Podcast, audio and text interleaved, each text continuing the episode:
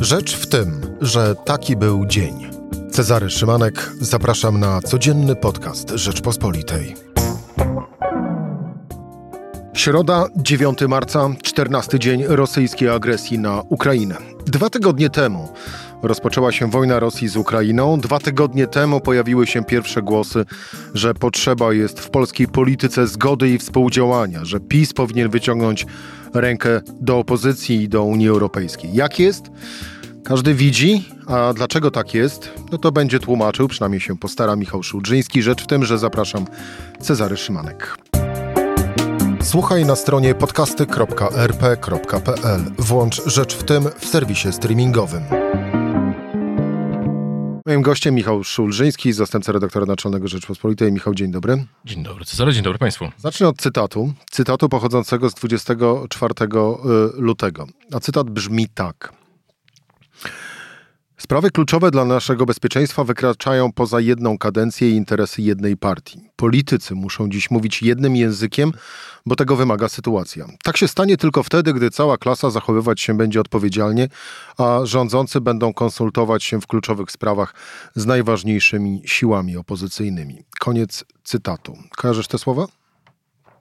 Coś mądrego jest fragment Twojego tekstu, mm, datowanego na 24 dzień e, lutego. No, nie tylko chyba ja mam wrażenie, że tak naprawdę, chociaż było to zasadne i dobre życzenie i fajna nadzieja na to, że tak będzie, ale nic z tego nie wyszło. No na razie nie wychodzi ciągle. Mm, ciągle mam wrażenie, że wygrywają jakieś. E, no właśnie, co lub kto wygrywa? Duch Putina w Polsce? Nie, ja mam wrażenie, że istnieje taka przemożna chęć ze strony rządu. Myślę, że mistrzem tego jest premier Mateusz Morawiecki. Taka przemożna chęć, żeby udowadniać, że jest super i mówić, jacy jesteśmy wspaniali, że znów świat nas podziwia. No ale wiadomo, że świat podziwia nas, a nie opozycję, prawda? W związku z tym, no to my musimy sobie przypisać wszystkie te wszystkie te mm, pozytywne rzeczy. E, I tutaj zaczyna się problem, bo zaczyna się taka, taki zupełnie bezsensowny wyścig pomiędzy e, rządem, samorządem, czy właściwie rząd usiłuje pokazać, że jest tutaj najważniejszy, mimo że bardzo dużo robią też inne instytucje. Rząd przygotował ustawę, ustawę w tej chwili pracują nad nią posłowie. No do tej ustawy, Michał, to za chwilę wrócimy, bo rząd przygotował ustawę, w której jest zapisana bezkarność urzędnicza, no ale to do tego za chwilę y, wrócimy. A mnóstwo rzeczy już się dzieje bez tej ustawy. Mnóstwo rzeczy robią samorządowcy, mnóstwo rzeczy robią e, NGOsy, mnóstwo rzeczy robi prywatny biznes i wszystko wygląda fajnie, jak mamy półtora miliona uchodźców w Polsce, którzy przeszli. No pewnie około miliona z nich zostało. Y, natomiast gdy to będzie 4 miliony albo 5, Oby tak nie było, ze względu na to, żeby oby sytuacja na wojnie nie była taka dramatyczna, że trzeba by, mm, że kolejne fale będą uciekać, ale musimy się na to przygotować. I myślę, że samochwalstwem nieznośnym samochwalstwem rządu nie rozwiążemy żadnego z problemów. Ja przypomnę te słowa, które dzisiaj mm, cytowałem w tekście w Rzeczpospolitej, jak premier Morawiecki mówił o tym, że w walce z koronawirusem odnieśliśmy sukces, którego zazdrościł nam cały świat. Jak wyszło to, i mówił to w połowie pandemii, e, jak wyszło to po dwóch latach i jakie były wskaźniki śmiertelności i co rząd robił, a właściwie czego nie robił, to chyba wszyscy doskonale wiemy. Więc chyba pan premier uznał, że zatęskniliśmy za tym samochwalstwem i że on znów może wychodzić i mówić, że jesteśmy najlepsi na świecie. A to jest pan... Cały świat nas podziwia. To pan premier, czy państwo z Nowogrodzkiej, z prezesem Jarosławem Kaczyńskim na czele? Bo tak naprawdę... E, jak... Widziałeś ostatnio prezesa Kaczyńskiego? Nie, no właśnie nie, nie, jestem, e, nie jestem w tym odoso odosobniony. E, aczkolwiek e, wracając, wracając do, to patrząc na narrację rządu, patrząc na, również na to, co mówią poszczególni e, politycy, no to widać, że to podejście do rzeczywistości, jakżeż mocno lansowane przez prezesa Jarosława Kaczyńskiego, że Polska to my, w sensie Polska to PiS, no w najlepsze jest kultywowane. Nie, i to jest Myślę, że naj, najgorsze byłoby, co, co, co, by się mogło stać, to gdybyśmy nagle zaczęli wyliczać, tak? Bo gdy posłowie opozycji idą na dworzec centralny i mówią o rety, za mało się tutaj dzieje, to nagle zaczynają być litanie ze strony posłów partii rządzącej albo ministrów, no a ilu strażaków jest zaangażowanych, a ilu policjantów, a ilu straża, strażników granicznych. I chwała im wszystkim za to. E, problem nie polega na tym, że mamy dzisiaj robić listę i pokazywać, kto zrobił więcej, a kto zrobił mniej, e, tylko mamy e, tak naprawdę współpracować, bo bez współpracy, bez współpracy samorządu, państwa, wszystkich partii, mm, tego, to, o czym pisałem dwa tygodnie temu w tym tekście, który przypomniałeś na początku tej audycji, mm, bez tego no po prostu nie będzie się dało tego zrobić. No ale nie masz wrażenia, że to jest tak naprawdę takie wołanie na puszczy i, e, i, i idąc dalej różnorakimi określeniami pobożne życzenia, marzenie ściętej głowy, rzucanie grochem o ścianę i tak dalej, i tak dalej. Mm, trochę tak, ale trzeba o jednej rzeczy pamiętać. Mm, mam wrażenie, że partia rządząca będzie bardzo potrzebowała opozycji dlatego że wciąż istnieje jeden nierozwiązany problem.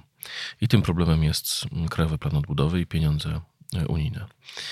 E, choć posłowie Solidarnej Polski dwoją się i troją, żeby twierdzić, że to mm, Unia Europejska właściwie nas najechała i spotkał nas ten sam los co, e, co Ukraińców.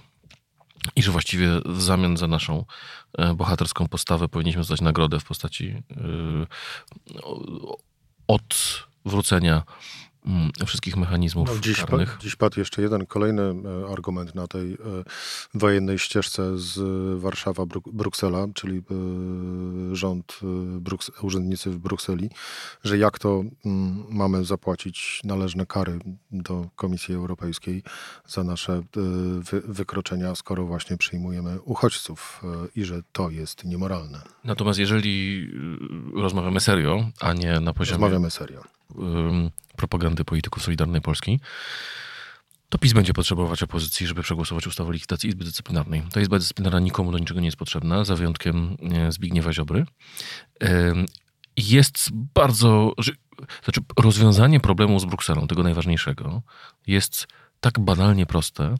Już tyle razy obiecywane. Tak, że to jest po prostu y, kompletnie niezrozumiałe, dlaczego PiS y, w to brnie. Zlikwidowanie Izby Dyscyplinarnej dla sędziów, czy to według pomysłu prezydenta, czy, czy, czy, czy posłów PiSu. Stworzenie możliwości przywrócenia sędziów, którzy orzekali. To jest coś tak prostego, że to nie jest znaczy, z, z, przywrócenia sędziów, którzy zostali zawieszeni przez Izbę Dyscyplinarną. To jest coś tak prostego, że, mm, e, że, że, wykonanie tego nie powinno być dużym problemem. No chyba, że znowu PiS chce oszukać, tak? Bo pamiętamy te niekończące się wrzutki do ustaw covidowych. E, pamiętamy, jak pod koniec marca 2020 roku, dwa lata temu, do jednej z ustaw covidowych wrzucono w nocy głosowanie korespondencyjne dla niepełnosprawnych, e, czy dla emerytów, przepraszam. E, I nagle się okazało, że w jakiejś poprawce znalazło się głosowanie korespondencyjne dla osób, dla grupy osób, która liczyła ładnych parę milionów wyborców no bo wiadomo było, był COVID, ale no to było to były zagrania, które sprawiały, że kompletnie rozbijało się, rozbijało się e, zaufanie. No widzisz, i teraz mamy właśnie, teraz to jest też moment, e, gdy wracamy do wcześniej już e, który, ustawy, która padła wcześniej w rozmowie. No właśnie, bezkarność urzędnicza nagle ni z tego, ni z owego pojawia się w specustawie, która ma mm, pomóc nam poradzić sobie z falą uchodźców. Tak, no bo to przecież wiadomo, że, że to jest w tej chwili najważniejsze. Tłumaczenie wczoraj premiera Morawieckiego było kompletnie absurdalne. E, przypomnijmy, słuchaczom mówił, że gdy mm, będzie do domu wchodził strażak y, do pożaru, musi wiedzieć, że za rozbicie szyby albo wyważenie drzwi, żeby uratować ludzi, nie będzie ponosić odpowiedzialności karnej, mimo że jej nie ponosi. Jak, jak trafnie zauważył felietonista Rzeczpospolitej Robert Gwiazdowski, nie chodzi tutaj o sytuację, w której strażak rozbije, mm, rozbije szybę, ale ukradnie torebkę. E, I jeżeli ukradnie tę torebkę, to wówczas ta ustawa mu pomoże, ponieważ będzie wtedy bezkarny za działanie na rzecz swoich korzyści podczas konieczności wyższej. No i to jest całe clue. Samorządowcy wczoraj wieczorem, ponieważ premier też powiedział, że to był apel samorządowców, wczoraj wieczorem podpisali deklarację, w której mówią, że oni nie proponowali czegoś takiego. W wieczornym głosowaniu przepadła ta poprawka. E, natomiast PiS dzisiaj ją zgłosił trochę w zmodyfikowanym kształcie, e, bo jak się w nią wczytać, to wygląda e, na to, że to jest poprawka dla samorządowców, bo tam są wyraźnie wymienieni osoby pochodzące z wyboru, e, więc tutaj może to sugerować, że rzeczywiście ma być to takie działanie na rzecz, na rzecz e, samorządowców e, i jak gdyby znacznie są bardziej okrojone możliwości stosowania tego przepisu, ale ja nie mam żadnych wątpliwości, że mm, no, coś takiego nie jest potrzebne, dlatego że pamiętamy, że w 2020 roku doszło do wielkiej politycznej awantury jesienią właśnie o ustawę o bezkarności. Zbigniew Ziobro zagłosował przeciwko opozycja nie miała powodu, żeby PiS w tym wspierać. I chodziło tylko i wyłącznie o, e, o przepis, który by gdyby wszedł w życie, tak naprawdę nie pozwalałby karać niegospodarności za różne e, błędne decyzje, e, czy za, za, mm, za rzeczy, które działy się podczas pandemii. Przypomnę, że minister, e, wicepremier do spraw bezpieczeństwa e, kilka miesięcy temu podpisał taki e, świadectwo moralności dla byłego ministra Szumowskiego, mówiąc, że służby specjalne sprawdzały handlarza bronią, bo to jedna z tych spraw, które opozycja podejrzewa, że chodzi w niej o to, i że służby sprawdziły e, świetnie tego dostawcę, e, który miał przysłać respiratory, czego nie zrobił. I tak naprawdę nie ma żadnych powodów, żeby się byłego ministra Szumowskiego e, czepiać. No to jeżeli tak, no to właściwie po co jeszcze ta ustawa o bezkarności? No może, może po to, że nie każdy może e, przyjść na Nowogrodzką i poprosić prezesa o takie właśnie e, oświadczenie, ale e, zostawiając, rozpracowaliśmy wątek dotyczący bezkarności urzędniczej, ale tak naprawdę wróćmy do tego, czego on jest dowodem, czyli dowodem, że no właśnie, gdy wszyscy mówią o zaufaniu, gdy wszyscy mówią o współpracy, no to Prawo i Sprawiedliwość wychodzi całe na biało i proszę bardzo, wrzuca tego typu y, zapis y, do ustawy, podważając tak naprawdę wszystkie te szczytne słowa, o których mówiliśmy na samym, y, na samym początku. No więc rodzi się podstawowe pytanie, zresztą, które postawiłem na samym początku. Dlaczego jest jak jest? To jest trochę tak, jak opisywał Nietzsche E, że domaganie się od wilka, żeby zachowywał się jak mm, baranek, e, to jest e, domaganie się czegoś sprzecznego z jego naturą. No, PiS po prostu tak ma. I co jakiś czas wychodzą z PiSu te, te, te, te jego tendencje. No i właśnie dochodzi do takiej awantury, czy można to nazwać radykalizacji PiSu, no bo to, to możemy sobie to rozmaicie nazywać. Tyle tylko, że no, PiSowi się to udawało szczególnie na poziomie europejskim przez ostatnie, ostatnie lata, dlatego że miał świetnego sojusznika. Tym sojusznikiem był Viktor Orban.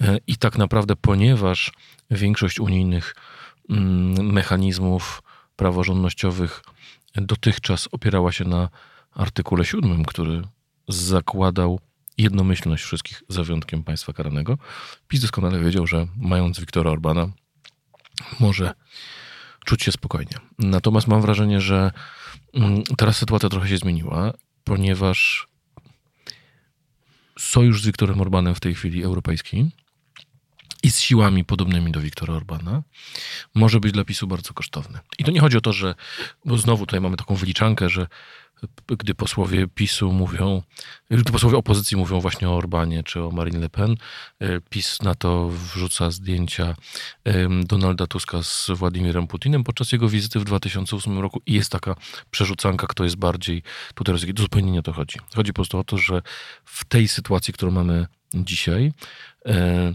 nie mówię o tym, co było wcześniej, Viktor Orban zachowuje się bardzo mm, znaczy dba wyłącznie o własny interes, a jego interesem jest utrzymywanie balansu pomiędzy Rosją a Unią Europejską i lewarowanie swojej pozycji w Unii e, dobrymi relacjami na Kremlu. W związku z tym postępuje w sprawie konfliktu na Ukrainie w taki właśnie sposób, że na przykład y, domaga się y, tutaj czegoś, co zostało przez Orbana nazwane strategicznym pokojem. Strategiczny pokój, jak to? To znaczy, że po prostu Węgry się nie włączają w tą sprawę, mówiąc, mówiąc wprost. Zabronił transportu e, wojska przez e, swoje terytorium e, i też nie zgodził się, żeby wojska flanki NATO, wschodniej flanki NATO były przy wschodniej granicy węgierskiej, mogą być tylko po zachodniej części swojego kraju. I to są rozmaite takie rzeczy, które sprawiają, że PiS za dalszy sojusz z Orbanem będzie płacić po prostu wysoką cenę polityczną. Yy, dlatego, że yy, czasem rozmawiam w, w, w, Warszawie z dyplomatami mm, państw zachodnich, którzy mówią, no dobrze, ale E, popatrzmy na to, co się dzieje w Rosji. E, no, w Rosji zaczęło się od podporządkowania sobie sądów, potem było e, podporządkowywanie sobie mediów, a potem system właściwie się domykał. Mm, I nie porównujemy ani Wiktora Orbana, ani Jarosława Kaczyńskiego z Putinem, ale jakieś podobieństwa tutaj e, widać i to nie może być tak, że po prostu cały świat zachodni będzie patrzeć, jak kolejne kraje. No, na szczęście dla Polski Viktor Orban jest znacznie dalej na tej drodze niż, niż, niż, niż Polska, e, ponieważ okazało się, że to społeczeństwo obywatelskie w Polsce jest znacznie silniejsze i nie daje e, się tak podporządkować, ale jeżeli Viktor Orban wygra kolejną wybory, które są na początku kwietnia, za miesiąc, właściwie mniej niż za miesiąc, to sytuacja na Węgrzech będzie się jeszcze bardziej będzie jeszcze poważniejsza w tym sensie, że Viktor Orban będzie miał istotną pokusę do tego, żeby łamać kolejne zasady um, Domknąć cały układ, tak naprawdę do samego, do samego końca. Wspomniałeś ową przypowiastkę o wilku y, i, i baranku. No, mi z kolei przypomniała się, ale to z kolei y, w, w kontekście mm, jakby teraz, naszej teraz pozycji w Unii Europejskiej. A przypowiastka o skorpionie i żabie, żółwiu, są różne, różne wersje, mm, gdzie owym żółwiem właśnie Unia Europejska, e, my, my, tym, my tym skorpionem. Mm, no bo można chyba zaobserwować tak naprawdę, mm, wsłuchując się, też nie chcę ich wyliczać, ale wsłuchując się w głosy coraz większej liczby polityków, jak i również e, komentatorów po tej prawej e, stronie, to można odnieść takie wrażenie, że teraz właśnie, jak ten skorpion, droga Unio, na tym, na tym swoim grzbiecie, jak ten żołów, e, przeprowadź przez e, burzliwe czasy i ten sztorm na wodzie. No tyle tylko, że właśnie nie ma gwarancji, że ów skorpion w pewnym momencie postąpi zgodnie ze swoją naturą i, i, i żółw, e, i żółw nie, nie, nie przeżyje. Zmierzam wprost do tego, mm, bo PiSu władzy trudno mi sobie wyobrazić, aby zmienił y, swoje mm, nastawienie do y, wspólnoty i, i, i, przyszłości nazw Unii Europejskiej, jak i samej również Unii Europejskiej, patrząc na to, patrząc na to, co się działo e, przez ostatnie, e, ostatnie długie lata. No chyba, że się mylę. Problem nasz polega na tym, że nie wiemy, co się dzieje w tej chwili w głowie Jarosława Kaczyńskiego i nie wiemy, czy ta sytuacja, którą z którą mamy w tej chwili do czynienia, e, sprawiła, że on przewartościował swoje myślenie wcześniejsze. E, bo pisowcy dzisiaj mówią, mieliśmy we wszystkim rację, bo przecież ostrzegaliśmy przed e, Rosją, ale można powiedzieć, nie mieliście w niczym racji, z wyjątkiem ostrzegania przed Rosją, e, ponieważ rozbijaliście jedność Unii Europejskiej, a to Unia Europejska dzisiaj nas broni. Szliście na wojnę z Joe'em Bidenem, E, a to on okazał się tym, który dzisiaj naj, najmocniej, najmocniej Polskę, Polskę broni, czy właściwie pokazuje, czym jest lojalność świata zachodniego. Podważaliście sensowność w ogóle integracji europejskiej, a tu się nagle okazało, że bez tej jedności bylibyśmy kompletnie e, w fatalnej sytuacji. Robiliście sojusze z ludźmi, e, którzy tak jak wczoraj Matteo Salvini nie potrafił jednoznacznie krytycznie się wypowiedzieć na temat Putina odnoszę się tutaj do sytuacji, mm, gdy został mm, no, de facto strollowany przez e, prezydenta e, Przemyśla, e, gdy chciał się polansować Salvini w obozie dla uchodźców, znaczy w punkcie przyjmowania uchodźców. O Orbanie już mówiliśmy.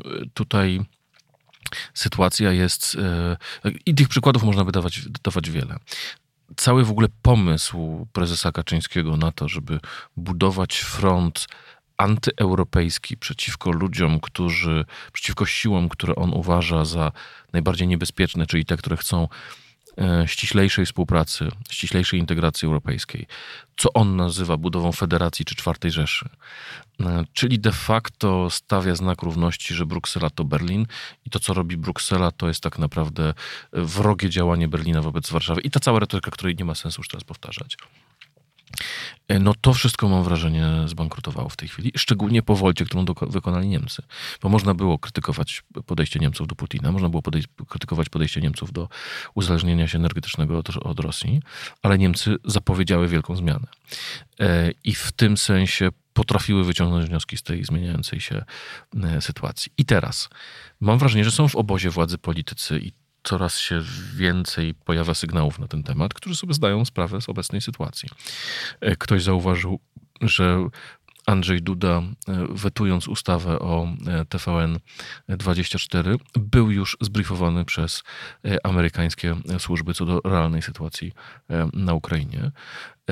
I wiemy doskonale, że jego koncyliacyjne gesty ostatnio, również kolejne weto do, do Lex Czarnek, jak również to, że no, zasiadł do stołu e, z najważniejszymi politykami na świecie, takimi właśnie jak prezydent Biden, czy prezydent Macron, czy właśnie kanclerz e, Scholz, mm, że sam wykazał się pewną inicjatywą, jeśli chodzi o kwestie, kwestie porozumienia z Brukselą. Mam tu na myśli ten jego projekt ustawy likwidującej Izbę Dyscyplinarną, późniejsze spotkanie z Urszulą von der Leyen pokazuje, że no tutaj Duda się zachowuje zupełnie inaczej, jak gdyby rozumiejąc, to nie jest to, że on zmienił poglądy. To jest to, że prezydent rozumie międzynarodowy kontekst pewnych wydarzeń i rozumie, że pewne rzeczy nie dzieją się tylko na naszym podwórku, ale mają wpływ na całą, na, na całą Unię.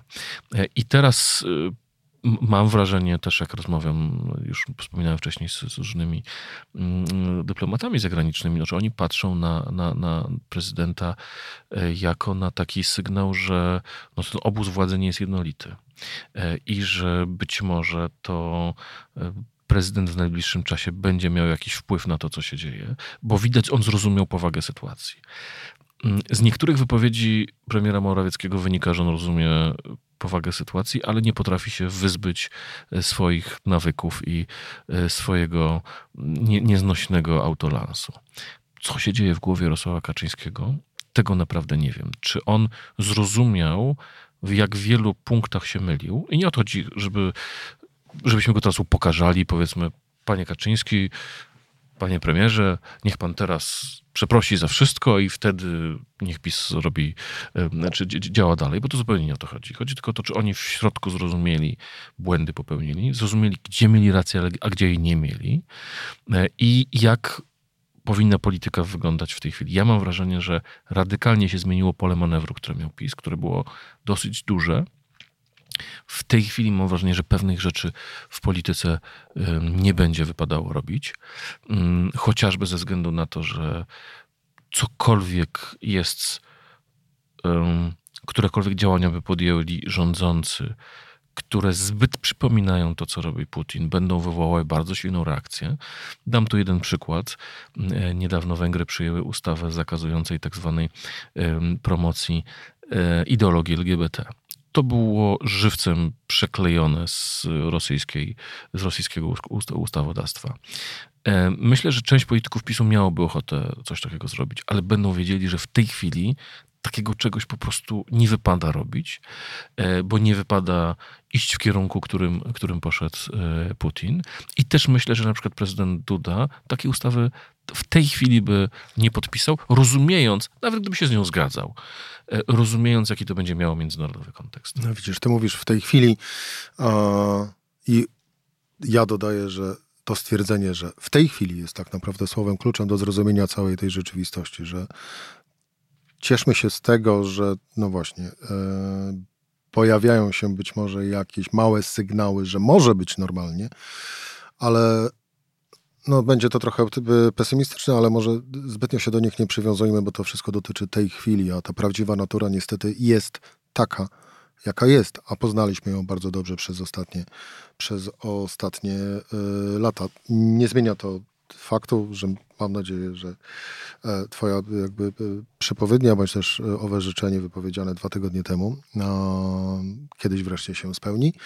Aczkolwiek doskonale pamiętam rok 2010, doskonale pamiętam rok 2020, gdzie wszyscy wtedy po katastrofie w Smoleńsku, później po wybuchu pandemii koronawirusa, Wszyscy przez pierwsze tygodnie mówiliśmy, że to na pewno te wydarzenia zmienią w nas wszystko. A, I że będzie lepiej, i że będziemy po prostu dla siebie milsi, cokolwiek miałoby to nie znaczyć. No a skończyło się jak się skończyło. To prawda. E, tyle tylko, że akurat Smoleńsk był wydarzeniem niezwykle traumatyzującym. W związku z tym on sprawił, że nasza polityka stała się jeszcze gorsza, jeszcze brutalniejsza. E, nie było tak po innym wydarzeniu, które też jak gdyby było takim wstrząsem społecznym. Śmierć Jana Pawła II. Po śmierci Jana Pawła II. Nasza polityka nie stała się gorsza po tym. Po prostu wróciła do swoich wcześniejszych torów. Um, ale um, problem polega na tym, że właśnie z każdym takim poważnym tematem um, no, polityka może właśnie stać się brutalniejsza i gorsza. Gdy mieliśmy w pewnym momencie taką e, przerzucanie się oskarżeniami, że tutaj opozycja mówiła, że rząd jest winien śmierci ludzi na COVID, a rząd mówił, że to opozycja gra śmiercią ludzi na śmiercią ofiar COVID, e, no to już zaczynało się takie polskie klasyczne piekiełko. A teraz sobie wyobraźmy, że w tej chwili naprawdę argument wy służycie Rosji. Nie, wy służycie Rosji. Nie, nie, tak naprawdę to wy jesteście zdrajcami. To będzie coś, co będzie mogło jeszcze boleśniej zatruć polską e, politykę, no bo właściwie jaki jest poważniejszy zarzut, e, który można by postawić politykowi, jak nie to, że dopuścił się zdrady. No właśnie, to jest chyba naj, największe niebezpieczeństwo tak naprawdę, e, że polska polityka zamieni się już wtedy w prawdziwe e, piekło po zakończeniu, e, oby jak najszybszym e, wojny w Ukrainie. Michał Szulżyński, zastępca redaktora naczelnego Rzeczpospolitej. Dziękuję Ci bardzo za rozmowę. Dziękuję to była rzecz w tym w środę. Cezary Szymanek do usłyszenia jutro o tej samej porze.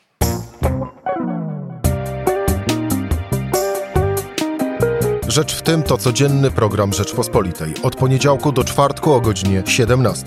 Słuchaj na stronie podcasty.rp.pl. Włącz Rzecz w tym w serwisie streamingowym.